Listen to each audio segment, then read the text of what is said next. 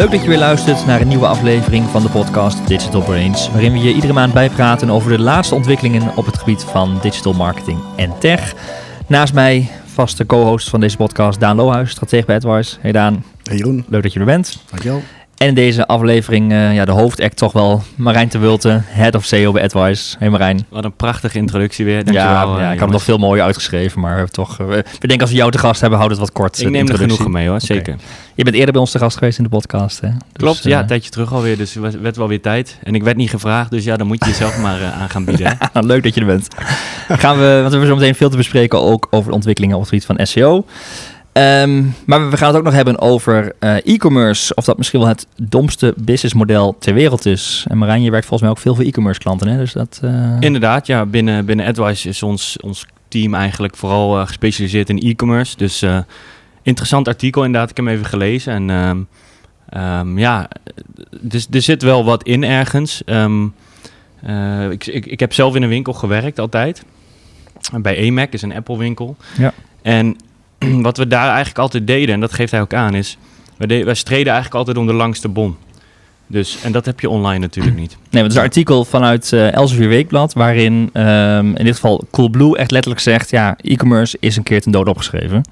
Ja, exact. Ja. Het is wel een lekkere clickbait headline. Hè? Ja, het is aan Elsevier, dus het is op... Uh dode boom geprint, ja. volgens mij. Maar het is wel inderdaad het online. een magazine cover. Ja, precies. Het is wel zo van... Uh, jou wil ook al tegen jou zeggen, SEO is dood. En dan ontlok je bepaalde reacties. Maar inhoudelijk is het dus inderdaad, uh, vallen er wel een aantal dingen op. Nou ja, wat, wat ik interessant vond, wat hij zei, is, is dat je mensen die online shoppen, die kopen wat ze nodig hebben. Ja. En um, waar wij in een winkel op getraind waren, was echt, oké, mensen komen voor iets, voor een laptop.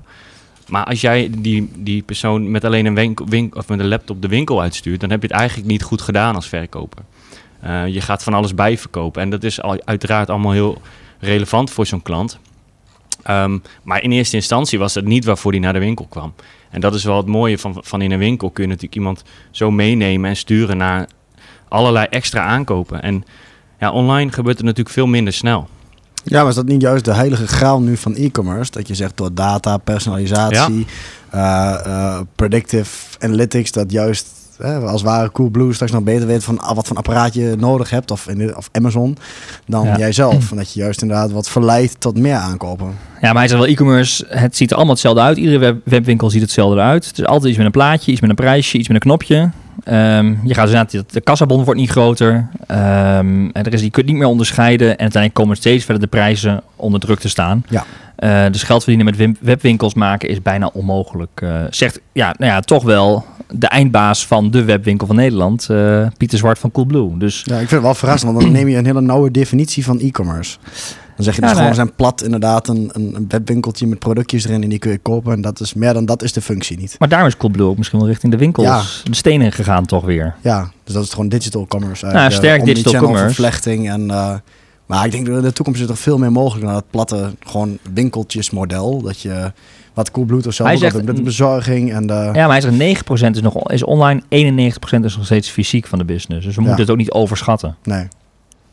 Ja, het, het, blijft natuurlijk altijd een beetje in de toekomst kijken, maar uh, ik, ik, vind het wel, uh, ik vind het wel interessant wat hij zegt. En um, je ziet ook dat de meest succesvolle ondernemingen, denk ik, ook online, uh, ook heel goed bezig zijn offline. Dus in de winkel ook goed voor elkaar hebben. En um, dat het ook vaak misschien wel producten zijn die, um, die je juist ook offline een keer wil bekijken en in de winkel wil gaan bekijken. Ja. Dat, ja voor mijn gevoel uh, zijn dat soort shops die ook daar in e-commerce ver zijn, maar ook in de winkel zelf aan ver zijn, die zijn goed bezig en die houden het hoofd goed boven water. Maar als je ziet dat puur de e-commerce spelers die echt hun producten ja, online verkopen. Ja, ja. ja daar, daar komt dat de prijs vaak te houden. Daar komt zo. Ja. Ik denk dat hij daar vooral op doelt. Ja, je zou het gratis, de gratis goed retourneren. Ja. Al die busjes in de stad, wat ook maatschappelijk steeds meer weerstand. Het vernietigen van producten, waar we het ook eerder over gehad hebben, om het retouren, verwerken, duurder is dan gewoon maar vernietigen. Maar dat is ook denk ik inderdaad dat wat je benoemt van pure players. Als je zegt e-commerce, dat is echt dat i en alleen maar digitale kanaal en verder geen experience, dan hebben het al een paar keer over gehad, toch? De Amazon en de AliExpress als ware, die kunnen dat op grotere schaal. Hè, qua businessmodel altijd beter doen dan een Nederlandse lokale club. Dus dan moet je inderdaad met de logistiek, de beleving offline. Ja, precies. Ja. Maar dat is dan... Ja. wel een interessante visie vond ik, wat ons uh, wel even bezig gehouden heeft. We gaan het artikel natuurlijk in de show notes zetten, dus dan kun je het zelf ook lezen. Uh, Daan, wat viel jou nog op afgelopen maand? Um, ja, als het over fysieke retail gaat, denk ik, mooi bruggetje. Um, uh, mij viel op dat uh, er is natuurlijk veel te doen om voice search en dat soort dingen.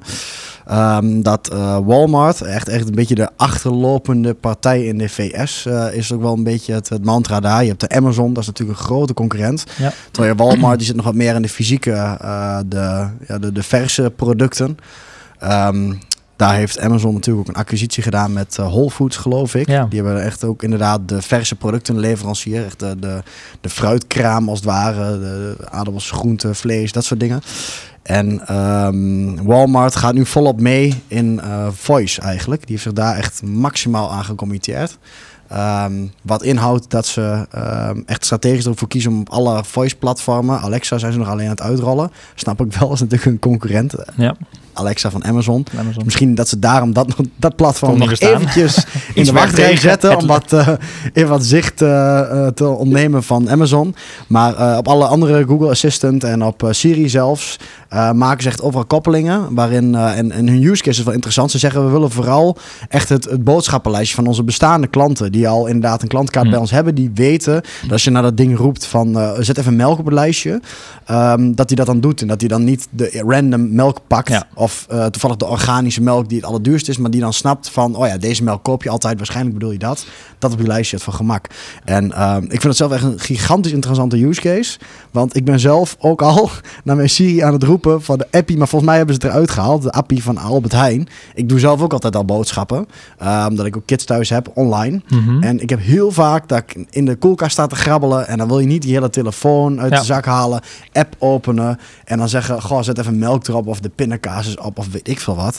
Ik, ik wil heel vaak na mijn Apple Watch zeg maar zeggen van uh, zet op mijn lijstje. Maar dat gaat nog wat krampachtig, want je moet exact dat riedeltje uit je hoofd kennen. Ja, maar dat is weer het verschil tussen Apple en Google. Ja, ik heb de Google Home. Eens, eens. En ik roep gewoon inderdaad in de keuken. Ja. Hey Google, zet pindakaas op mijn boodschappenlijstje. Ja, loopt erin achter. En het staat op mijn boodschappenlijstje. Ja. Alleen de next step, dat vind ik wel mooi ook van deze case, is dat ik dan inderdaad, wij eten altijd het huismerk pindakaas van Albert Heijn dat hij dat dan exact, uh, kan kiezen in plaats van dat er op pindakaas. Gelijk de Calvé pindakaas Want de uh, halve liter pot. Ja, ik zou hem eigenlijk online willen afrekenen gelijk. En dan moet ik niet nog opnieuw moeten gaan zoeken welk product ik wil hebben. Dus ja, lijkt het dus op dat Walmart dat volgens mij dat stukje juist uh, wil afdekken. Ja, dat volgens, volgende stapje eigenlijk echt daarin. Ja, ze zeggen van we willen ons focussen op bestaande en loyale Walmart shoppers om het nog makkelijker te maken. Om eigenlijk, ja, eigenlijk in eerste instantie de customer experience gewoon te verbeteren en daarin voorop te gaan lopen. En dat is natuurlijk iets waarop Amazon nog, die heeft nog niet zoveel um, diverse inventory, zeg maar. En in Walmart, die hebben die mm-hmm. voorsprong van de dagelijkse boodschapjes. Maar dus, uh, dat gaan ze daar ook moeten kunnen. Albert Heijn met de bonuskaarten weet toch precies wat we kopen. En... Ja, nou ja, sterker nog, dat denk ik ook dat ze daar volop mee bezig zijn. Daar zie je ook heel veel ontwikkelingen. En alleen op dit moment merk je nog dat net even die disconnect is van hè, die voice assistent. Dat is een feature die is ontwikkeld. En ze hebben de volgende stap er nog niet in genomen. En ik denk, uh, en dat natuurlijk uh, um, uh, voice in de VS ook al iets meer wordt gebruikt en iets meer ingebed ja. is, denk ik, dan in Nederland. Ook alleen al dat Google Assistant sinds, wat is het ergens? Ik heb het zelfs niet vorig jaar. Ja, dus wanneer praat hij Nederlands? Ja, dat is toch vrij recent. Dat is vrij recent, dus ja. ik denk dat weinig Rond de kerst was het een hype, dus zal rond die tijd ja, zijn. Ja, dus ik denk dat dat al iets meer ingeburgd is en dat Walmart natuurlijk iets meer schaal heeft dan Albert Heijn. Maar het is interessant om nu te zien dat ook zo'n partij daar dus inderdaad wel volop op gaat inzetten. Dat je de eerste echt praktische toepassingen waarvan ik zelf denk, hey, dat gebruik ik al eigenlijk. En dat, dat gaat nu groeien. Dat is met voice toch altijd een dingetje. In dit geval denk ik volkomen logisch inderdaad. Dat je de dingen die je dagelijks moet hebben, waarvoor je niet een heel aankoopproces ja. nodig hebt, denk ik dat voice perfect perfect is. Dus zeker als ze ook nog kunnen achterhalen welke merken je uh, prettig vindt. Nou, dat kan zo'n zo'n Walmart natuurlijk uitstekend. Want die heeft die geschiedenis van jou als, als, uh, als klant misschien opgebouwd. In, met zo'n klantkaart inderdaad. En volgens mij is Albert Heijn daar ook wel heel druk mee bezig mm -hmm. hoor. Wat ik me nog kan herinneren, een aantal jaar terug, is dat ze ook een, een, een apparaatje hadden die je volgens mij op de koelkast of zo kon, uh, kon bevestigen. Ja. En dan kon je dus, nou, als je dan in de koelkast keek en er was iets op, kon je dat, kon je dat als een soort van boodschappenlijstje ook door middel van voice kon je dat al toevoegen. Volgens mij is dat niet, uh, niet een heel groot succes geworden, maar dat is wel een beetje, dit is natuurlijk een beetje het verlengde daarvan. Ja. Um, en uh, volgens mij kan niet anders dat Albert Heijn daar ook heel druk mee, mee is. Nee, nee, Albert Heijn en Google hebben in ieder geval al wel een samenwerking. Precies, dus ja. het zal nog even duren voordat Daan het kan, maar ik kan het in ieder geval wel uh, heel snel. ah. hey, en je had al een ander bericht dat je opviel uh, deze maand over e-mail marketing. Ja, ja, wat ik eh, grappig en ik ben heel benieuwd wat daarmee gaat gebeuren. Ehm, dat eh, Google eh, eh, AMP, Accelerated Mobile Pages, toch Marijn? Dat is meer een SEO-ding. Ja, dat is Ehm, inderdaad voor SEO ook al heel lang, bestaat dat al heel lang. Ja, diezelfde techniek ook gaat toepassen in Gmail. Dat was een Mhm. soort pilot. Ehm, nog niet iedereen kan het eh, direct doen, want volgens mij moet je als eh, de provider... Waarschijnlijk in Gmail gaat het direct werken, maar ook Outlook en dat soort eh, providers gaan meewerken. Ja. Ehm, dat je dynamische content in e-mails kunt inladen op die AMP-techniek. Het begint op desktop en allemaal nog kleinschalig. Maar dat betekent dat je dus echt in e-mails door kunt gaan klikken. Hm. Of interacties kunt inbouwen. Dus dat het geen statische dingen meer En een klein siteje wordt, eh, je e-mail. Ja, dat, dat was een mini-platformpje wat waar je eigenlijk binnen Gmail nog ehm, ja, de, de alle handelingen en acties kunt uitvoeren. Met een soort van ja, mini-website erin. En eh, de, de geluiden uit de markt zijn heel erg van of het is de volgende stap in e-mail. Dat je het echt Ja. niet meer een, eh, een, een nieuwsletter verstuurt, maar dat je dingen mee kan doen. Ook personalisatie wat veel makkelijker. Aan de andere kant zeggen ze, ja, dit is, dit is de grens van e-mail. Dit is technisch te complex. Ze gaan AMP hiervoor gebruiken. Allerlei personalisatie en dataproblemen met privacy natuurlijk, phishing mails, dat soort dingen. Die zeggen, ja, hier is e-mail niet voor bedoeld. Het is echt, eh, e-mail is dood. Hè? Hmm. We zijn al, eh, van, dit, dit gaat verder niet met technologische ontwikkeling. Dit is zo krampachtig. Die gaat straks naar chatbots of Ja. andere of naar platformen toe. Dit is een laatste zwanenzang voor de e-mail nog. En daarna horen we er nooit meer wat van.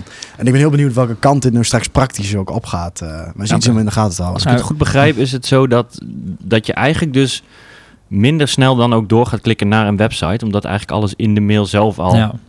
Toch? Als ik het goed Ja, begrijp. ja, je hoeft niet meer een link te gebruiken Nee. als het ware om naar een, naar een ander ding te gaan. Voor de gebruiker wel prettiger. Ja, ja, Het sorry, blijft. ja, ja. Ja, het, is, het zal natuurlijk super snel zijn en heel, heel, eh, heel makkelijk te gebruiken zijn. Maar ik, ik heb er toch ook wel weer mijn twijfels bij. Zelfs als eigenlijk met ANP eh, in Google zelf al is. Ja, je, zeker hier, je mist gewoon de look en feel van je website. Die natuurlijk gericht is op, op conversie als het om e-commerce gaat. Of Ja. tenminste op, op aankoop. En ehm, ja, dat kun je natuurlijk veel minder in e-mail templates Het stoppen. kan alleen voor een heel specifieke campagne voor een merk wat je al kent, waar je weinig overtuiging bij nodig hebt. Maar Ja, in andere gevallen heb je wel meer content en context Ik nodig. denk juist dat je dan mensen naar je website wil, juist vanuit je e-mailcampagnes ook. Dat, eh, omdat je daar, je, dat daar natuurlijk veel verder kunt gaan dan in een, een ANP-template, waar je vaak ook nog gebonden bent aan allerlei restricties. Omdat die, ze moeten super snel zijn en daardoor kun je bepaalde JavaScript of, of Ja. andere dynamische elementen al niet gebruiken. Ehm, wat dan weer ten koste kan gaan van, eh, van hoe, je, hoe jouw e-mail eruit ziet. Ja, dat is wel waar ik dan eh, even mijn kanttekening eh, bij plaats. Plus dat je als, als merk ook waarschijnlijk, ik weet niet hoe het is met de, de, de, tracking en de pixels en dergelijke, maar ook veel meer inzicht hebt in wat de gebruiker nou precies doet met je content en naar je website gaat. eh, zal wel beperkingen opleveren. Ja, dat durf ik zo niet te zeggen of dat zo is, maar dat lijkt me heel waarschijnlijk, ja. ja. Ik vind altijd ANP vanaf het begin af aan een beetje een soort van noodverbandje, omdat mobiel niet snel genoeg was. Ja, Van de gebruiker een betere experience geven. Hè. Onafhankelijke publishers of nieuwsites doen het niet. Google ziet het als een beperking voor de gebruiker. En een kans van, hè, ze blijven weer op een Google-platform hangen. Dus dat nutten we uit. Ja. Maar nu ook weer voor e-mail. Dat ik Ja. denk, ja, het is een soort van inherente beperking aan e-mail. Met Hm. al die verschillende clients. En je kunt er zo weinig mee. En eigenlijk is het heel ouderwets. Want ja, in die zin is er eigenlijk in 10, 15 jaar heel weinig veranderd met e-mail. En ja, ook weer een noodverbandje waar je weer extra werk moet doen als e-mailmarketeer. Mhm. En de vraag nog maar is uh, of het uiteindelijk zou het echt fundamenteel moeten worden opgelost en dat je geen e-mail meer gebruikt. maar Net als op websites, die moeten gewoon snel genoeg zijn voor e-mail of voor, voor mobiel, mobiele voor- pagina's. En dat is een trend die zet wel door. En dan Ja. zou ANP eigenlijk overbodig moeten zijn. Ja, het is altijd interessant om zoiets te testen. Hè. Ik bedoel, Google komt er niet voor niks mee. Eh, Ja, het is al, dat hebben we met, eh, met ANP en Google zelf zeg maar, ook gedaan. En we hebben ook getest. Ja, je moet gewoon concessies doen aan, eh, aan de content op je website. En ehm, ja, dat- daardoor is het voor ons ook een reden geweest om dat niet voor heel veel andere sites ook te gaan implementeren. En tegenwoordig zie je ANP eigenlijk alleen maar gebruikt worden bij grote publishers. Dus de Ja, grote echt nieuwsites. werkt. Ja, de grote nieuwsites die ehm, het misschien ook niet per se van hun eh, conversie binnen de website moeten hebben, maar gewoon het feit dat, ze, dat hun content eh, makkelijk eh, bereikbaar is en toegankelijk is. Nou, dat kan met ANP natuurlijk perfect. Ja. Eh, maar voor andere type sites zien wij wel op dit moment, zeggen wij wel van ja, die toegevoegde waarde zien we eigenlijk niet. Experimentjes zijn geweest, maar het levert gewoon weinig op. Exact, ja. Maar over de toekomst van e-mail gaan we het over twee podcasts. Hierna, en, eh, twee, ja, over twee podcasts gaan we het Ja. hebben met eh, Jasmijn. Ja. Eh, dus eh, zetten we deze op de agenda. Gaan we ja, de ontwikkelingen we volgen en gaan we experimenten opleveren en waar het heen gaat. Ja, Dus, eh, ja, mooi. Marijn, wat is jou opgevallen afgelopen maand? Ehm, ja, wat, ik, wat mij wel opviel en ehm, dat was eigenlijk wel heel gek wat, dat er in één keer voorbij kwam. En het was ook vlak voor 1 april. Dus uh, we hadden al zoiets van, ja, zal dat een 1 april grap zijn? Maar um, bij AdWise gebruiken wij een, een tool voor onze SEO-werkzaamheden genaamd Ahrefs. Um, oorspronkelijk een linkbuilding tool, maar inmiddels uh, geëvalueerd eigenlijk naar een allround SEO tool. En die oprichter van, uh, van Ahrefs, die, die gooide er een tweet uit... Um, waarin hij eerst een beetje aangaf wat het probleem tegenwoordig met Google is. Hè. Google met privacy natuurlijk heel erg... Uh, um, daar hebben ze natuurlijk heel veel problemen mee. Um, plus het feit dat, um, dat ze zoveel verschrikkelijk veel advertentieinkomsten binnenhalen. En dat ja, eigenlijk. steeds met, meer advertising eigenlijk. Hè? Steeds wat geen meer SEO meer, maar alles wat maar iets commercieels achter heeft, wat gelijk moet je voor betalen. Ja, en, en het feit dat die advertentieinkomsten allemaal uh, voor Google zelf zijn. Mm -hmm. En uh, daarin zei hij van ja. Um, Eigenlijk is het best wel raar dat uh, de, de publishers, de content creators eigenlijk, die zorgen ervoor dat Google überhaupt bestaansrecht heeft. Want als er geen content is, dan heeft Google als zoekmachine ook niks, uh, heeft ook geen rol eigenlijk in, deze, uh, in, dit landschap. Um, dus hij zei, ja, waarom, waarom krijgen die publishers eigenlijk niet een deel van advertentieinkomsten? Hij heeft eigenlijk het nobele streven heeft hij om um, uh, 90% van de advertentieinkomsten van de zoekmachines die ze met Ahrefs willen op gaan richten, om daarvan 90% terug te laten vloeien naar de publishers en de content creators. En ik vond het eigenlijk wel een heel mooi, mooi statement. En uh, die, die tweet is ook wel redelijk vi viraal gegaan en sta, staat ook in de show notes. Um, zeker ook vanuit de SEO-community, maar sowieso van de, vanuit de online community heel positief op gereageerd. Ja, het is, het is, het is nogal wat, zeg maar, mm. om tegen Google te gaan opboksen, maar de gedachtegang die hij daarin heeft, dat vond ik wel een, een hele goede. En hij, hij stelde ook nog de vergelijking met YouTube. Um, want bij YouTube is het eigenlijk ook zo dat een deel van de advertentieinkomsten gaan naar de makers, naar de van, makers de van, de, van de video's. Ja. En ja, in dat opzicht, waarom is dat dan in het reguliere Google zoeken niet zo? Dat, ja, dat vond ik wel interessant. En, uh, ja. Ja. Het is ook een beetje het probleem hè, wat ze nu hebben met de hele cookie-wetgeving en alles. Ja, ja. Uh, gaat natuurlijk ook het argument hè, van privacy, display adverteren op websites. Van waar moet een website als een nu.nl of een Sanoma, we spreken die allerlei content en uitgaven heeft, die kunnen het heel moeilijk verdienen mm -hmm. op pure banners. Als je je doelgroep niet kent, dan moet je anoniem gaan adverteren. Zeg maar. Dan hebben we tegenwoordig een digitaal tijdperk, adverteerders weinig geld meer voor over.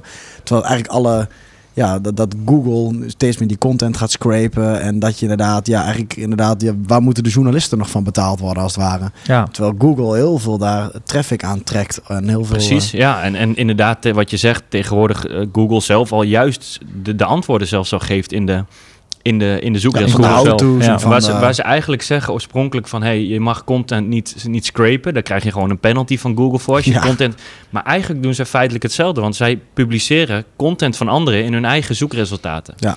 Ja, daar zijn ook wel, uh, daar zijn, daar is, er zijn ook, er zijn ook wel mensen die daar tegen in opstand komen als het ware. Maar ja, Google is daarin zo groot dat ja, ja uiteindelijk uh, zal daarin niet heel veel veranderen. Doet ze geen pijn. Nee, en, en, daarom vond ik dit wel een, hele, een heel mooi streven. Ja. En even voor de zekerheid, het was geen 1 april grap. Het dus, was hè? uiteindelijk geen 1 Nee. april grap. Ja, dat nee, was wel dat- slechte timing dan dus. Ja, Ja, er waren ja. daar ook een paar reacties Ja, van. het geeft wel een bus. Ja. Daardoor. Is het Ja, dan maar- geen 1 april grap Ja. en zo? En, eh, nee, maar dat... Maar eh, wij zetten de tweet inderdaad in, eh, in de show notes. En dat is een heel, heel draadje. Hè? Hij heeft het ja, een heel draadje inderdaad, waar hij alles uitlegt waarom. En eh, ook nog wel interessant ehm, eh, dat, dat hij een screenshot deelde van Wikipedia, hè, die eens in de zoveel tijd weer komt met... Zo'n eh, fundraiser. ja, we moeten Ja. geld hebben voor onze, anders kunnen we niet blijven bestaan. Dat is eigenlijk belachelijk. Wikipedia is zoveel betekend voor, voor online. Ja. Ehm, qua kennis, eh, ehm, ehm, ja, beschikbaar maken van kennis. Ja. Eh, En- en, en waar Google zoveel eh profijt Ook van heeft gehad. scraped ook inderdaad. Van Want die Scrape, hele... Die Ja, maar hele Google gaat, wel, hebben we over, zo. Google gaat wel een vergoeding betalen hè, aan, aan, aan Wikipedia. Oh, dat was mij niet. Dat Ja. was mij dan Ja, niet dat is bekend, ooit een keer discussie geweest. Ja. Maar niet eh, zoveel. Als ze Nee. dat zouden moeten, dan moet Wikipedia echt in één keer een paar miljard. Wikipedia aan- heeft het nog moeilijk, maar inderdaad, Google heeft uiteindelijk wel toegezegd, we gaan ook jullie wat supporten met geld. Eh, Ja, nou, dat lijkt me niet meer dan normaal. Ik doe ze Nee, ook maandelijks ja. eh, 2 euro, geloof ik. Kijk ik heb het ooit een keer ingevuld. Ik dacht, ja, goed man. Goed bezig. Goed ik, zie aan de gezicht hier aan tafel dat de rest het niet doet, Daan. Dus eh, Nee, ik respect. zou, Ik zou het voor jullie, bevestigen, maar helaas. Nee, heel goed. Ik had nog, eh, wat mij opviel was, ehm, ik was laatst eh, aan het douchen en ik hoorde in één keer Ja. beneden mijn zoontje, hey Google, hey Google roepen. dat vond ik wel grappig, mijn zoontje is bijna vier. Maar dat hij dus al zo opgevoed wordt, gewoon met het Google en tegen zo'n praatpaal. Dan stond hij weliswaar bij de Sonos, dus dat praat niet snel terug eh, wat dat betreft. Maar het feit dat hij zo'n apparaat al ziet als daar kan ik tegenaan praten, dat vond ik ook wel weer confronterend. Dat voor ons is het allemaal nieuw en hip en happening. En voor hem is het al hetgeen wat gewoon Eerder is. was het dat ze televisies aan gingen raken, dat we dat apart ja, vonden. dat ze gingen knopjes gaan klikken. Ja, en, en de magazines gingen swipen om een foto te vergroten en dat soort dingen. Goed, maar, dat heb ik nog nooit gezien ja, trouwens. ja, dat, dat, ja, ja, dat- ja, dat- dat ja. ken ik ook wel. Dat is inderdaad eh, de kinderen echt al, dat, dat hele touchscreen, dat hoeven ze maar één keer te zien. En Ja. dat Ja. is dan voor hun de standaard. En zelfs in tijdschriften denken ze dat ook al. Maar dit, dat, dat mijn zoontje ook zo snel voice, tegen het verkeerde apparaat al, maar, maar zo snel voice al omarmde, vond ik wel eh, opvallend. Want Zo lang heb ik het ding nog niet. Dan moet je oppassen dat hij niet nu tegen elk eh, apparaat wat er een beetje uitziet als zo'n zo'n voice-apparaat, dat hij daar tegenaan begint te En praten. nu, be- nu begint de opvoeding. Ja, precies. Ja. En eh, nieuws van de NOS dat Amazon ruim 3200 satellieten wil lanceren voor breedbandinternet. Ja. ja, dat is ook door Facebook wel eens gelanceerd en ook door Google hè, met Met of zo. Pro- ja. Project Loom was ja, dat toen. ja. Maar het is wel heel interessant als je, zeg maar, volgens mij is dat het geval, geval als je bereik zo eh, groot is en er eigenlijk geen groei meer zit, dan moet je gewoon dus je bereik verder gaan vergroten. En als dat alleen maar kan door internet En aan als te eerste leggen, erbij zijn, hè? want wie dat eerste dat wereldwijde Ja. internet uitrolt. en Pro- Project Loom van Google was volgens mij nog een beetje beperkt tot slecht bereikbare gebieden. Maar dit is nog even een stapje hoger. eh, dat Ja. Jeff Bezos denkt, ik ben een raket aan het bouwen. Wat is de volgende stap? ik ga gewoon internet Ja, via, in, via de lucht, via satellieten lanceren. Nou, interessant. En het geeft ook weer aan dat er nog, wat dat betreft, heel veel groei is. Als die achtergebleven gebieden ook aan het internet gaan. Ja, nou, ik denk dat er nog meer is, zelfs dan alleen maar gewoon het, het, het, het internet als, als, als... Ik denk dat, dat ze echt ook een businessmodel erin zien. Als ze dat kanaal, zeg maar, domineren. Dat is Google Voice Assistants. Dat ze zeggen, ja, we willen als eerste bij de gebruikers zijn. Je bent gewoon... Je neemt een plek in in die waardeketen. En je weet niet eens wat het waard is in de toekomst. Maar Nee. alle mogelijkheden die het zou kunnen bieden, dat zijn er zo divers... dat je denkt van, schiet maar de lucht in, als we het geld hebben. Dat En dan zien we nog wel waar het op uitpakt. Maar er, er zijn zoveel dingen mogelijk dat je daar niet eens waarschijnlijk een business case bij kan voorstellen. Want dat waarschijnlijk wel tot iets leidt, omdat internet zo Ja. belangrijk is. Nou, ja, interessant. Hey, we gaan verder met ander nieuws wat deze maand tot ons kwam. Ehm, Daan, vrij technisch, dus probeer het eh, kort samen te vatten, maar ja. ITP 2.1. Ja, ik kan me het voorstellen dat je luistert dat je denkt van... je nou, Wouter, want nu moeten we, net als de vorige aflevering, eh kregen we dan Wouter op de Slack. Dus ik ik verkeerd correcties van. Wouter, maar en als luisteraar kan ik me voorstellen ik dat het je... eigenlijk wel met rechte eind, toch? Ik weet niet, ja, met jouw aanvulling. eh, ja, nee, ik Maar als- als ook wel luisteraar redelijk technisch, maar... eh, Als luisteraar niet het meest interessante onderwerp, maar wel heel belangrijk. Dus goed Ja. om even te weten Ja. hoe het zit. Ehm, nee, ITP 2.0 is van eh, ja, Apple natuurlijk. Die staat privacy voorop. Eh, Want die Google, dat, die Google Assistant van jou is allemaal leuk, maar die luistert natuurlijk allemaal mee. En Tuurlijk. onbewuste beïnvloeding krijg je allemaal via Google weer. Ik krijg ook relatiebemiddeling, alle advertenties en dat soort dingen Ja. krijg ik voorbij. Ja. Ja, die luistert mee. Ja.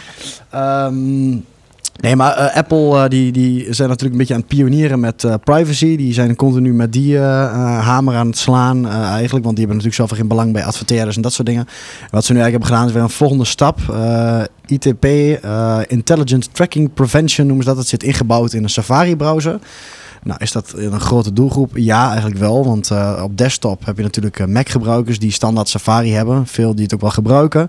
Uh, maar vooral ook op de hele doelgroep die met iPhones rondwandelt. Er zijn toch de meeste mensen die daar uh, de Safari-browser hebben. Ongeveer ja, 15% marktaandeel, zoiets denk ik. Hier, hier in Nederland. In de VS misschien nog iets hoger. Mm -hmm. um, dus een aardig groot deel van de online doelgroep. En um, nou, wat is dan dat Intelligent Tracking Prevention? Vorig jaar al een keer uitgerold. Het gaat met name over cookies en allerlei tracking en fingerprinting van apparaten om je als gebruiker online te volgen. Ja. Voor adverteerders, maar natuurlijk ook gewoon voor website-analyse of voor login-statussen op je telefoon. Eigenlijk alles wat er in je browser gebeurt. En uh, dat is nu weer geüpgrade en hebben ze weer een tandje verder gegaan. Wat betekent dat, je, uh, dat er een window is ontstaan van zeven dagen voor first-party cookies. Wat betekent dat nou? Dat zijn de gebruiker of de, de cookie die eigenlijk bijhoudt dat jij Jeroen bent op jouw Apple-apparaat Mhm. als je op een website bent. Um, niet alleen Jeroen, maar je krijgt in ieder geval een uniek nummertje. Ja. Dat als ik uh, jou zie als websitebezoeker, dat ik uh, iemand zeven dagen lang kan herkennen. En dat was eerder altijd gewoon twee jaar. Dus in Ja. Google Analytics kon ik jou als Safari gebruiken op jouw iPhone. Want die heb je dan weer wel. Mm -hmm. uh, kon ik jou, zeg maar een half jaar later, uh, kon ik jou weer terugzien. Ik denk, oh, dat is die ene die eerst via AdWords is binnengekomen. Ja. Toen via Facebook en toen via daar. Hey, en toen heb je een transactie gedaan. En ik kon ook het aantal unieke gebruikers een beetje betrouwbaar tellen. In ieder geval unieke apparaten. Ja. Wat er op je site Ze wisten heel lang dat ik het was. Ja, je Ja. kunt die sessies aan elkaar verbinden en dus inzichten krijgen. En ook het aantal unieke gebruikers.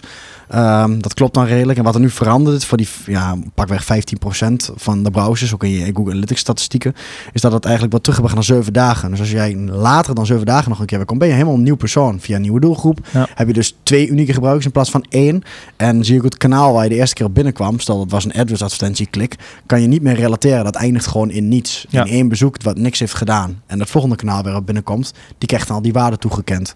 Dus, Dus je ehm, kunt in je Google Analytics statistieken wat verschillen gaan zien. eh, wat zomaar In 15% unieke gebruikers, unieke ja. gebruikers. Ja. in, je eh, zult meer, in één keer meer unieke bezoekers. Tenminste, Exact, ja. volgens Google, Google Analytics. als, dan. als ze via Safari, eh, met name je Safari browser Ja. natuurlijk, Ja. zal En andere... het is niet alleen Google Analytics, er zijn natuurlijk ook allerlei andere digitale platformen die aan tracking doen. Je In principe is het. Ja, eh, retargeting sowieso, maar dat was bij eh, eh, ITP 1.0 eigenlijk al het Ja. geval dat ze zeiden binnen een dag en daarna mag een externe derde partij, dus first party cookies, een derde partij mag het dan niet meer zien, adverteerders. Maar ehm, ja, dat is eigenlijk het verhaal. Dus inderdaad, wat Marijn al beschrijft, het is gewoon een, in één keer een, een, een nu het uit wordt gerold en meer mensen gaan die browser gebruiken, krijg je in één keer meer unieke bezoekers op je site. Dat je denkt, huh? En je conversieratio op een bepaald kanaal zoals AdWords kan in één keer wat lager worden. Afhankelijk van wat de positie is van AdWords in je marketingkanalen. Is Ja. het vaak een first, eh, eerste touchpoint, dan krijg je die over het algemeen nu minder conversies toegekend. Omdat ja. eigenlijk dat window na zeven dagen, dus alles wat er langer over deed, die wordt nu, ja, die krijgen minder punten als het ware nu minder conversies toegekend. Dat is een beetje het effect wat je nu krijgt. Dus vooral die afwijking die er in één keer in zit, deze maanden, dat is even iets om op te letten als je echt op dat soort KPI's stuurt. Maar dat is gewoon door externe factoren en niet door je eigen, of dat bezoekers zich anders gaan gedragen. Komt En het is net een stukje minder inzicht. En uh, het is bedoeld echt om privacy redenen, want het wordt vaak misbruikt. Ja. Um, dus ja, en, en, eigenlijk is niet het doel van, van Apple om web analytics het leven zuur te maken, maar het is gewoon een ja, collateral damage noemen ze het. Van, ze vinden het zelf ook jammer, maar wat te veel misbruikt. Dus er zijn nu workarounds. Dat je dat op technische manier via een local storage, iets anders dan cookies regelt. Maar de verwachting is ook wel dat het ook verband is voor ook zo'n tijdelijke ja. oplossing, uh, noodverbandje, dat dat uh, ITP 2.2 als het ware ook dat soort methodes weer uh, de das omdraait. Dus veel kun je er ook niet aan doen. Ja, feitelijk gezien verandert er natuurlijk, tenminste eh, voor de aankoop of, of wat dan ook, verandert er natuurlijk niet zoveel. Dus ik denk dat het vooral heel belangrijk is dat je hier gewoon um, zo goed mogelijk in advies geeft, uh, ook naar de op opdrachtgevers van ons toe, wat er verandert in analytics en dat ze dat, uh, dat, ze dat ook begrijpen, waarom ja. dat verandert. En, ja. Ja, het heeft nu ook echt gevolgen voor Google Analytics. Want Precies. dat was natuurlijk het verschil voorheen dat het nu Vooral heeft retargeting. Toen ja. waren retargetingpartijen als waar iets meer de klos. Ja, zeiden van, ja, de advertising kant. Advertising kant. En, uh, maar het is wel een bredere trend dat je nu ziet dat Safari in ieder geval dat soort dingen, die duimschroeven echt flink aandraait. Dat zijn tracking mogelijkheden. Ja. En uh, dat het veel meer ja, op toestemming wordt gebaseerd. Dan pas ja, inlog dingen worden wel bijvoorbeeld bewaard. Uh, maar dat het meekijken zeg maar, steeds minder mogelijk wordt. Omdat het gewoon te veel wordt misbruikt. Ja, en, ja, ja, ik snap het ergens wel. Kijk, ik probeer altijd de vergelijking te maken naar de echte wereld, zeg maar. En dan, als je dan zou, zou nagaan dat je dus welke winkel je ook ingaat, dat je constant gevolgd wordt, zeg maar. Dat constant winkels weten wie jij bent, waar je naartoe gaat. En of je wel of geen nieuwe bezoeker bent. In de echte wereld zou dat, ondenkbaar zijn. Zou dat best wel gek zijn. Maar in online is dat eigenlijk al vanaf het begin is dat heel normaal. Wordt dat heel normaal gevonden. En nu, nu pas realiseren mensen zich inderdaad wat dat voor hun privacy zou ja. kunnen betekenen. En ja. krijg je dit soort... Dit soort uh, en in dit geval zijn de, zijn de echte toegevoegde waarden voor de eindgebruikers niet zo duidelijk. Als je wat onthoudt met een login of het zorgt voor gemak of je krijgt betere persoonlijke aanbevelingen. En dat is één op één gerelateerd aan de data die je weggeeft, is dat wel oké. Okay. Ja. Maar dit is heel, ja, dat is echt op grote schaal van alle gebruikers bij elkaar kan de webshop dingen verbeteren of maar, de advertising verbeteren. Maar wat zie je daar als individu aan terug? Eigenlijk heel weinig. Nee, en overal zie je gewoon dat het businessmodel rondom cookies. Ja, cookies is een beetje net als e-mail. Dus eigenlijk een achterhaalde, hele inferieure techniek om mensen mee te gaan tracken als het ware. Ja. E-mail vraag ik me af of Jasmijn het daarmee eens is hoor. Maar, uh... oh, sorry Jasmijn. Ja, gaan we het, uh, gaan we het over deze podcast over podcast. Maar um, ja, het is in principe een heel inferieure manier die ja. eigenlijk uit de jaren negentig stamt om mensen te volgen. En die eigenlijk totaal niet op vandaag de dag op privacy klopt. Maar er is geen goed alternatief uh, nog die nee. dezelfde rol kan vervullen. Dus ik ben benieuwd wat daar gaat. Wat is de meta, op metaniveau, zeg maar de trend natuurlijk die een ja. beetje uh, ja. ontstaat. Mooi. Dan Marijn, gaan we eens even wat inzoomen op jouw uh, specialisme. Ja. Search uh, marketing, okay. SEO met name. Organisch, uh, wat ontwikkelingen in jouw vakgebied en eentje die wel ja, behoorlijk opviel en ook wel echt ja. te maken heeft met UX. Hè? Nou, de, de, de, degene die misschien het meest opviel was denk ik um, het feit dat... Nou, stel je hebt een webshop, dan heb je vaak een, uh, een pagina waar meerdere producten op staan. En vaak staan er zoveel producten op dat het niet op één pagina past. En dan heb je onderin vaak van die cijfers van 1 tot en met nou, zoveel producten als er zijn. Ja. Waardoor je door kunt klikken naar de volgende serie met producten. Ehm, en Google kwam er eh, een paar weken terug doodleuk mee dat eh, ja, zeg maar de tag die ze daarvoor in, eh, die, die ze voor, voor gebruiken om dat soort bij elkaar horende content te, gebru- te, te, te begrijpen als Google zijnde, dat ze die tag eigenlijk al heel lang niet meer gebruiken. Mhm. En dat ze dus ook niet meer adviseren om die te gaan gebruiken. Ehm, en dat is best wel gek, want wij eh, als advising, ik denk met ons heel veel andere agencies, hebben daar vaak gewoon, ehm, hebben dat gewoon geadviseerd naar onze opdrachtgevers toe. Daar zit altijd een kostenplaatje aan vast om zo'n tag te implementeren. En ook op de juiste manier, want er kan ook nog wel eens wat fout gaan. Dus eigenlijk heeft het gewoon best wel wat geld gekost. Ja. Ehm, terwijl Google nu zegt dat ze die tag al eh, helemaal niet meer gebruiken. En be- betekent dat dan dat Google alleen naar de eerste pagina met producten keek en niet wat daar verder achter hing dan? Of, Eh, eh, nee, dat betekent dat Google eigenlijk altijd al die links volgt. Dus de links op pagina 2, 3, 4 en de producten die erop staan, die volgen ze gewoon. En ze snappen al zonder die tag, snappen ze gewoon dat het een reeks is. En dat Ja, die ja. pagina's bij elkaar horen en dat je niet, zoals ze dat dan noemen, duplicate content hebt. Mhm. Ehm, dus eigenlijk zegt Google ook nu van je hoeft, je hoeft eigenlijk niks meer te doen. Het, eh, eh, wij snappen gewoon wat voor content dat is. Wat wel weer opvallend is, vond ik, is wat zij heel duidelijk zeggen is... eh, in, in, in- en dan quote ik ze even. Studies show that users love single-page content. Aim for that when possible. Dus met andere woorden, als het even kan, gebruik dan een één pagina. En niet, ga, dan, ga dan niet gebruik maken van paginaties. Dat is eigenlijk heel ouderwets ook met desktop op een of andere manier. Dat je op Naar mobiel scroll je verder naar boven en dan krijg je vaak Ja, maar al dat zie je. Dan laden de volgende producten in. dan Ja, bijvoorbeeld op precies, desktop dat ook je wel. Maar infinite scroll hebt als het ware tijdlijnen van Facebook, Ja, Instagram. ja. Dat- alleen, alleen het is wel zo. Kijk, dat kan Google wel zeggen. Maar op het moment dat je dat op desktop doet en je hebt een pagina met eh, honderden producten, Ja. dan, wordt die, dan wordt die pagina natuurlijk heel traag. Want dan moet al die producten in, in één keer zo'n beetje maar de inladen. vraag is, welke use case wil je 100 producten op één pagina laten Precies, zien? dat is inderdaad een hele goeie van jou. Want ehm, eh, je moet altijd kijken naar hoe, wanneer is het relevant om zoveel producten te tonen. Ja. Wil je dan niet nog een tussenpagina hebben waarin je mensen laat kiezen? Kijk, als, als voorbeeld bijvoorbeeld... ehm. Als iemand, als iemand zoekt op tafel hè, en die komt op een pagina over tafels, dan, ja, dan is het natuurlijk heel irrelevant om zowel eettafels als ehm bijzettafels. Gigantisch traag ook. Om, eh, om dat eh, allemaal te gaan Ja. tonen. Dus je moet dan eh, een extra keuze inbouwen. En mo- moet je iemand laten, laten kiezen voor wat voor type tafel zoek je. En misschien moet je daarin nog wel steeds verder gaan, inderdaad. Tot filters aan toe, wat voor kleur of wat voor materiaal. Voordat je echt daadwerkelijk producten al laat zien. Mhm. Dus dat is iets wat wel interessant is dat Google dus heel duidelijk geeft, aangeeft dat, dat ehm, single-page content dus misschien wel de best practice is nu. Eh, dus dat we ook voor onze opdrachtgevers moeten gaan kijken eh, hoe we dat ehm, beter en meer kunnen gaan implementeren. ja. ja. Is, Google doet het zelf nog wel. In de zoekresultaten. In de zoekresultaten. pagina. Ja, ja. Ja, ja. Google Shopping bijvoorbeeld niet. Daar heb ik wel eens gemerkt als je in Google Shopping zit, dat tapje, dan kun je op een gegeven moment eh, de eerste top 5 zie je volgens mij, dan kun je meer.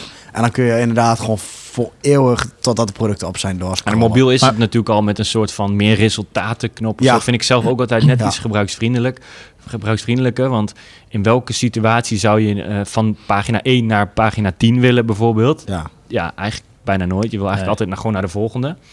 Ehm, dus dan is zo'n meer resultaten of een laat meer knop misschien wel logischer. de beste. Ja. Maar ja. in, in hoeverre denk je dat het nu echt heel veel impact heeft om jouw webshop hierop aan te gaan passen? Ehm, nou, nou niet. Nee. Dat, dat, eh, Dus stel dat je nu een pagina, niet- paginering hebt en je wilt toch naar nou ja, een pagina waar alles geladen wordt. Ja, gaat het heel veel impact hebben in... Ehm, ja, dat is dus helemaal afhankelijk van de, het aantal producten daarop. Kijk, als het een, zoveel producten zijn, dan, dan moet je die allemaal eer, al gelijk gaan inladen. Wil je het op dus één pagina. Je, Dan je wordt- site speed, dan of wordt page je, speed. eh. wordt je website gewoon trager van. Ja. Ehm, en dan kun je wel met lazy loading en dat soort dingen gaan werken. Maar ja, dat is, dat is heel moeilijk nu te zeggen, denk ik, om te zeggen... oké, dat gaat een verbetering opleveren. Ik denk dat het ehm, eh, beter is om te kijken... hoe kun je nou ehm, een pagina waarin zoveel producten staan... dat het niet op één pagina past... hoe kun je ervoor zorgen dat... eh, dat, zo'n pa- dat de producten wel op één pagina passen. Moet je dan een stap daartussen inbouwen, waardoor Ja. je mensen al eerst een keuze laat maken. In het voor, voorbeeld wat ik net gaf, bijvoorbeeld met tafels, dat je ze eerst wil laten kiezen wat voor type tafel wil je, wil je Mhm. dan en eh, wat voor materiaal misschien wel. Dat zou ik eerder eh, adviseren dan dat je eh, gaat kijken hoe je alle producten in één keer zou kunnen inladen. Ja. Nou, je ziet vaak Ja. dat er dan filters staan, dat dan bij wijze van spreken eerst wat uitleg over de filters krijgt. Van wat Ja. voor type tafels zou je willen inderdaad. Ja, dus dan ga je van speeltoestellen of ga je naar klimrek. Weet je, hoe, hoe ver kun je filteren? Eh, Ja. Vooraf filteren al zodat de gebruiker op het juiste niveau uitkomt. Dat is Feitelijk gaat er eigenlijk niemand kijken naar duizend klimrekken en speeltoestellen. nee, nee, nee. Waarschijnlijk niet, nee. Oké. Eh, dan nog een ander punt eh, eh, vanuit jou. Eh, iets met de New Domain Authority. Ja, klopt. Ehm, en dat is misschien wel een, een goede voor, eh, voor de luisteraars ook. Want ehm, de, er is een, een, een waarde die, eh, nou, die veel gebruikt wordt om een waarde van een website aan te duiden. Dat noemen ze dan Domain Authority. Dat is van een SEO-tool genaamd Moz. En ehm, die hebben eh, ineens hun eh waardes enorm aangepast, waardoor heel veel websites een veel lagere waarde hadden. En ehm, toen kregen we heel veel vragen van onze opdrachtgevers van hey, ehm, onze website is in één keer veel minder waard geworden, alsof het dus een metric is die Google bedacht heeft. Ja, Ja, En dat ja. is dus heel belangrijk om even te vermelden dat het geen Google metric is. Het is een, een, een third-party metric, zoals ze dat dan noemen, die ehm, Veel standaard gebruikt ja, wordt. die ingesprongen is op het gat dat Google ooit achterliet. Want Google met had, de page rank toch? Dat was precies, eigenlijk Google ja. had altijd een, een, een eigen waarde, PageRank, en dat, ging, dat, dat was dan de waarde van je website vanuit Google. Alleen die update is al heel lang niet meer. Dus je kan eh, als websitebeheerder kun je niet zien hoe Google jouw website waardeert. Dat kan Ja, gewoon Vanuit niet. externe bronnen, hè? Dat is eigenlijk de, de, wat Vanuit, is links vanuit en backlinks inderdaad. Ja. Dus links naar jouw website bepalen de, de waarde van je website. Ja, wat we bijvoorbeeld bij linkbuilding zoeken we naar een website die een hogere waarde heeft dan je eigen website, zodat je gaat groeien in linkwaarde. ja, En simpel gezegd wel. Ja. Ja, heel simpel gezegd. En dat baseer je onder andere op, dit, op deze metric. Ja, en nu, en nu Google dat een tijdje geleden dat niet meer ging updaten, waren er dus nou ja, andere bedrijven die daarop insprongen en een eigen metric, soortgelijke metric bedachten, ehm, die ook een waarde aan je website geeft. Ja. En ehm, ja, wat je dus nu heel, heel erg merkte, was dat ehm, opdrachtgevers echt dachten van, dat, dat dat de waarde is die Google aan hun, waarde, aan hun website En toekennen. dat één keer is dus waren. ja, zo, dus ja. dat is dus absoluut niet waar. Het is niet zo dat je website in één keer minder waard is geworden. Het is eigenlijk zo dat die tool een eigen algoritme verbeterd heeft, waardoor die waarden in één keer veel waarheidsgetrouwer Ja. uitvallen. Dus eh, dat is het meer. ehm, en geen, eh, mensen hoeven zich geen zorgen te maken dat hun website in één keer minder waard Hm. is voor Google. Nee, dat zeker niet. Ja, dat is inderdaad echt van de MOS. eh, die heeft inderdaad het product Link Explorer. Ik zag het nog even op. Vroeger heette Oh, dat nog weer ietsje anders. Maar dan kun je inderdaad ook, eh, als je als luisteraar nu zelf wil checken van wat is mijn website dan waard in vergelijking tot andere concurrenten of andere websites, kun je inderdaad op mos.com kun je zoiets invullen en dan zie je inderdaad zo'n domein score en pagina score. Ja, ja, En Dat is dus zo'n metric, die hebben ze nu dus inderdaad woep, in één keer veranderd. ja, in En er één zijn keer. een hele hoop mensen En zenuwachtig voor van 90% van de website geldt dan dat die omlaag is gegaan. Ja. Ehm, en eh, ja, dat, en wat je aangeeft is een heel belangrijke toevoeging. Het, het gaat er juist om dat je kijkt hoe, hoe jouw website zich verhoudt tot Het is je een concurrenten. benchmark. Ja. eh, ja, en niet eh, met, je, je moet niet gaan vergelijken met andere eh, websites die eigenlijk losstaan van, van, van jouw business. Maar kijk vooral hoe doen je concurrenten het. En waarschijnlijk zijn die in net, zo, net zoveel gedaald of, Ja. of gestegen in heel, heel eh, aantal gevallen. Ja. Ehm, en dat is denk ik nog een belangrijke toevoeging. Van, eh, check dat wel. Je, het is een goede manier om te kijken hoeveel is je website nou waard in de zin van backlinks. Maar vergelijk het altijd met eh, je concurrentie. Geen reden tot paniek, maar in ieder geval wel even om goed verder te een kijken beetje naar... het eh, ITP eigenlijk. Ja. ja, Van de, de metrics verschuiven wat en even een externe invloed. En dat is even handig om te weten. Ja. Voordat je paniek gaat zaaien Ja. of uh, Ja. bij Oké. jezelf zoekt. dankjewel. Dan eh, door naar social. Een Opvallende, sorry, op- opvallende ontwikkeling bij eh, Instagram. Die introduceren een checkout. En dat zorgt ervoor dat gebruikers in de app kunnen gaan afrekenen. Ehm, ja, Daan, dit is iets wat we natuurlijk veel meer zien bij dit soort platforms. Hè, zoveel mogelijk in-app laten. Eh, we zagen het al in de advertising kant ook veel meer bij lead generatie. hè, Dat je formulieren in kunt vullen eh, in Ja. Facebook of in LinkedIn. Nu ook daadwerkelijk kunt afrekenen binnen Instagram. Ehm, ja, voor Instagram natuurlijk een heel logische stap. Ook voor de gebruiker. Nou ja, ik denk voor de user experience wel natuurlijk. Ik denk dat je ook ziet uh, met uh, veel dingen die je doet. Instagram commerce is gewoon ook een ding volgens mij aan het worden. Dus met producten die worden gepusht op Instagram, gave visuals, mooie dingen, veel social effect natuurlijk, dat mensen delen, taggen. Ja. Um, en dat je die aankoop zo frictieloos mogelijk gewoon echt impulsief kunt doen. Um, waarbij Instagram natuurlijk ook wel je gebruiksdata heeft, makkelijker een checkout kan faciliteren dan dat je weer bij een externe webshop moet inloggen. Uh, natuurlijk ook, ja, dat is niet zomaar van gebruiken, lijkt het ook betrouwbaarder, dat het één ervaring is. Mm -hmm. Daarvoor zie je natuurlijk ook veel oplichting ook met het volgens mij Instagram uh, productverkoop. Dat was in Nederland ook de laatste tijd wel een dingetje. Dat er veel inderdaad schimmige handel plaatsvond of dat je maar iets koopt. Ja. Het voelt allemaal betrouwbaar op zo'n platform, maar wie zit er nou werkelijk achter? Dat is nog een beetje ondoorzichtig. Maar het is natuurlijk wel een strategie om mensen ook op het platform Instagram te houden en die hele waardeketen, in dit, geval eigenlijk Facebook. Um, te blijven behouden. Dus dat het echt een commerce platform wordt, heb je nog meer waarde voor je advertisers. Ja. En dan uh, kunnen ze nog meer business doen eigenlijk. Dus dat is ook denk ik de hele case erachter. Ja. En Marijn, dat zie je veel meer, hè? dat die platforms zoveel mogelijk de hele journey willen binnen het platform willen houden. Ja, ja, ik denk dat Instagram daar het mooiste voorbeeld van is. Wat uh, volgens mij als een van de enige weinige platformen al heel moeilijk doet over het uitlinken naar andere, naar je eigen website bijvoorbeeld. Dat kan eigenlijk alleen in je, in je bio volgens mij. Ja. Een link in bio staat er al ja, onder. Maar moet je helemaal als gebruiker echt veel Ja, nou dat doen ze natuurlijk puur om, om die gebruiker maar op het platform te houden. En daar is dit natuurlijk ook weer een heel mooi voorbeeld van. En je ziet het eigenlijk over de hele linie al gebeuren dat, um, nou ja, Facebook stuurt steeds minder traffic naar websites toe, houdt alles eigenlijk op hun eigen platform. Ja. Um, uh, ik las onlangs zelfs dat bij Reddit um, ook weer een online platform is, dat, je, uh, dat daar het uitlinken naar websites al steeds moeilijker gemaakt wordt. Um, YouTube noem je als voorbeeld. YouTube inderdaad. lange waar, video's uh, niet extern kan linken. Maar... Waar inderdaad de, in de beschrijving kon je altijd uh, een linkje plaatsen. Dat kan nog steeds. Alleen de beschrijving wordt nu voor een heel groot deel afgekapt. Waardoor je de links dus al niet meer ziet. En dan heb je dan nog Google die ook echt bezig is om um, uh, gebruikers op Google te houden met direct, directe antwoorden ja, in de zoekresultaten. De discussie waar we het over hadden um, ook. Ja, dat, dat is daar wel precies. Dat is daar wel een, een, een vervolg op. Dat um, eigenlijk wat Google doet is content scrapen van andere websites. Ja. dat tonen in de zoekresultaten, zodat bezoekers niet meer naar die website moeten. En daar zit natuurlijk een gebruikersgedachte achter van we moeten het die gebruikers zo makkelijk mogelijk maken. Als ik direct het antwoord kan geven als Google, waarom Um, zou ik het dan niet doen? Ja, maar is dat het? Of hebben we gewoon te maken met dat er gewoon nog heel veel shit op internet is? Dat, dat zodra Google denkt, ik stuur naar die website of ik stuur naar die webshop, dan kom je in een, in een, in een drama van flows en, en dat soort dingen terecht. En los even van de grote spelers, maar meer, er is ook heel veel houtje touwtje gewoon nog in de markt. De, willen die platforms niet het ja, gewoon zo zelf... cynisch wil ik nog net niet zijn. Ik, ik bedoel zeker, kijk, als het, als het aan, aankomt op resultaten die Google nu in de eigen zoekresultaten pusht, dan kun je er wel van uitgaan dat Google die website zo in zoverre vertrouwt um, dat ze ook direct daarom het antwoord geven. Dus ik denk niet dat het. Uh, ik denk dat Google wel de, de, de zaken nou, redelijk goed op orde nou, heeft. Bij het antwoord eh, begrijp ik en dat ben ik met je eens. Maar als je echt kijkt naar transacties, kijk, een Instagram of een, een Facebook, die zijn erbij gebaat dat je zoveel mogelijk adspend in hun platform stopt. maar als zij volgens geen invloed hebben op de conversie, omdat je namelijk een gebruiker naar de website van de adverteerder leidt. Um, ja, dan hebben ze een risico dat je de waarde van het platform uh, uh, dus minder hoog... Ja, maar ik, ik zeker vanuit, een, uh, vanuit de spelers zelf snap ik het heel goed. Dus vanuit een Instagram, vanuit een Google, weet je wel, dat kan ik heel goed begrijpen... dat ze, dat, dat ze zoveel mogelijk van hun gebruikers op de website willen houden. Op hun eigen platform willen houden. Alleen, um, ja, als je dan terugkomt op het verhaal vanuit Google... die um, straffen kan uitdelen aan websites... omdat ze bijvoorbeeld content kopiëren of scrapen van andere ja. websites...